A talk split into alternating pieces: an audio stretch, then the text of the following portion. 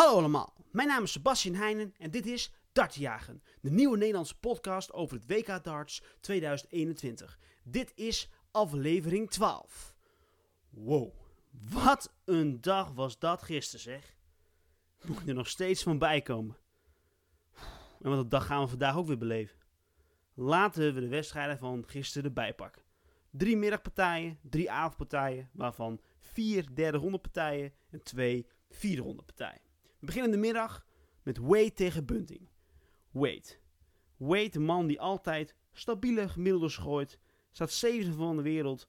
Schoon een topper om ermee rekening te houden. Bunting, ex-wereldkampioen bij de BDO, gooide ook best oké in de wedstrijd hiervoor.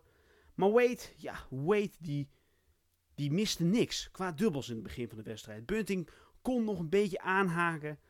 En ja, het ging toch eigenlijk gelijk op. Maar zoals ik al zei, Wade pakte de eerste twee sets. Toen kwam een leuke derde set, die pakte Bunting. Net zoals set 4, die ook naar Bunting ging. En toen kwam set 5. Bunting staat 1-0 voor in legs. En toen kwam een moment. Wade gooit 180. Bunting gooit, nou we gooiden die, iets in de 100. Wade gooit nog een keer 180. Bunting gooit ook weer iets. Wade legt aan, gooit triple 20, triple 19, dubbel 12 voor een 9 darten. Wow! Dat was echt super lang geleden dat iemand weer een 9 darten gooide op het WK. En wat deed Wade? Wade pakte gerust een pijltje uit het uh, bord. Deed een klein box tegen Bunting. Bunting was nog blijer dan Wade zelf. Het was echt ongelooflijk. Maar Wade, een 9 darten. Maar mensen, met een 9 darten win je geen wedstrijden. Want deze set ging alsnog naar Bunting met 3-2. En zo gingen we naar de zesde set. Bunting stond op 3-2 voor. En de zesde set, die ging ook naar Bunting. Dus Bunting wint de wedstrijd met 4-2. Terwijl Wade een 9 darten gooide. En zo mag Bunting ja, gewoon gaan na, naar de vierde ronde. Waar hij dan mag gaan aantreden tegen Searle. Goh, wat een wedstrijd. Moet je nagaan. Dan gaat er dus een, een half finalist komen. Van Clemens, Ratajski, Bunting of Searle. Daar komt één half finalist uit. Eén van die wedstrijden is al geweest. Daar kom ik zo meteen op terug. Maar wauw. Toen kwam wedstrijd 2 van de avond. Althans, sorry, van de middag. De avond komen zo. Gurney tegen Dobie. Gurney gooide fenomenaal. Hij gooide boven de 100 gemiddeld, maar Dobie zat er ook tegenaan. Uiteindelijk 99 gemiddeld, maar Gurney, ja, die gooide gewoon zijn dubbels uit. Dus Gurney won met 4-1 en mag daar zo ja, vanmiddag aantreden tegen Van der Voort. Daar komen we zo op terug. Toen kregen we de derde wedstrijd van de middag. Dat was Low, degene die Smit uitschakelde tegen Pietersen, de Zuid-Afrikaan. Ja, Pietersen gooide een beetje wisselvallig, maar won de wedstrijd eigenlijk gemakkelijk met 4-0. Zo is de uitschakelaar van Smit uitgeschakeld. En ja, gaat Pietersen door naar de volgende ronde. En uh, daar mag hij aan tegen Gary Anderson. Dat wordt ook een partijtje om van te smullen. Dan gaan we naar de avondpartijen. Chisnell tegen Noppert, onze Nederlander. Noppert kwam mooi met 2 nog voor in sets. Maar daarna ja, viel of zo een beetje. Hij kon geen, geen trippels meer gooien. De dubbels vielen niet. En Chisnell, ja, die ging wel gooien. Die gooide wel de trippels. Die ging uiteindelijk nog naar een gemiddelde van, nou ja, bijna 199,6. Dat is ongelooflijk nog. Moet je, terwijl hij zijn eerste twee sets echt niet zo goed zat te gooien. En Chisnell wint met 4-2. En mag zo aantreden tegen Van den Berg bij de laatste 16. Dan gaan we naar een ontknopende wedstrijd in de vierde ronde. We beginnen met Clemens tegen Ratajski. De Duits tegen een Pool. Eigenlijk, dit was al historie, want waarom is nog nooit een, Duitser of een Pool bij de laatste 16 gekomen. Laat staan in de kwartfinale. Maar Clemens en Ratajski, het was echt een 50-50 wedstrijd van tevoren. En tijdens de wedstrijd was niks minder waar. Op een gegeven moment hielden ze 16 of 17 keer achter elkaar hun eigen legs. En daardoor stonden 3-3 in sets en 2-2 in legs. En we kwamen een beslissende leg. Ratajski had hier al twee matchdarts voor gemist. Maar hij stond op een gegeven moment op dubbel. Volgens mij dubbel 16. Mist weer drie beide. En Clemens krijgt ook twee matchdarts. Mist hij ook. Staan ze op een gegeven moment allebei op dubbel 1. Ratajski miste drie. Clemens miste drie. Zat alles in. En Ratajski gooit alsnog dubbel 1 uit. En zo gaat de pol naar de kwartfinale toe. Wauw. Wat was dat een wedstrijd. En om de dag mee af te sluiten krijgen we Mighty Mike van Gerwen tegen Kullen. Van Gerwen. Ja, dat is toch de man die om te verslaan in ieder geval dit toernooi. En niks is hier minder waar. Kullen gooide subliem. Van Gerwen, mm, oké. Maar Kullen kwam 1-0 voor in sets. Kreeg zelfs de kans om 2-0 voor te komen in sets. Maar dat liet hij na. Van pakte de 1-1. Dan gaan we naar de derde set. De derde set pakte Kullen vrij eenvoudig 2-1 voor Kullen.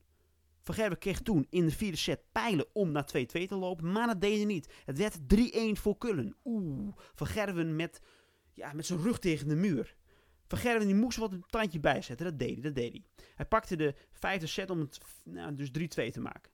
Toen kreeg Kullen zelf nog kansjes om, om, om eigenlijk gewoon de, ja, de wedstrijd op slot te gooien, maar dat deed hij niet. Het werd 3-3 in sets. We gingen een beslissende set spelen.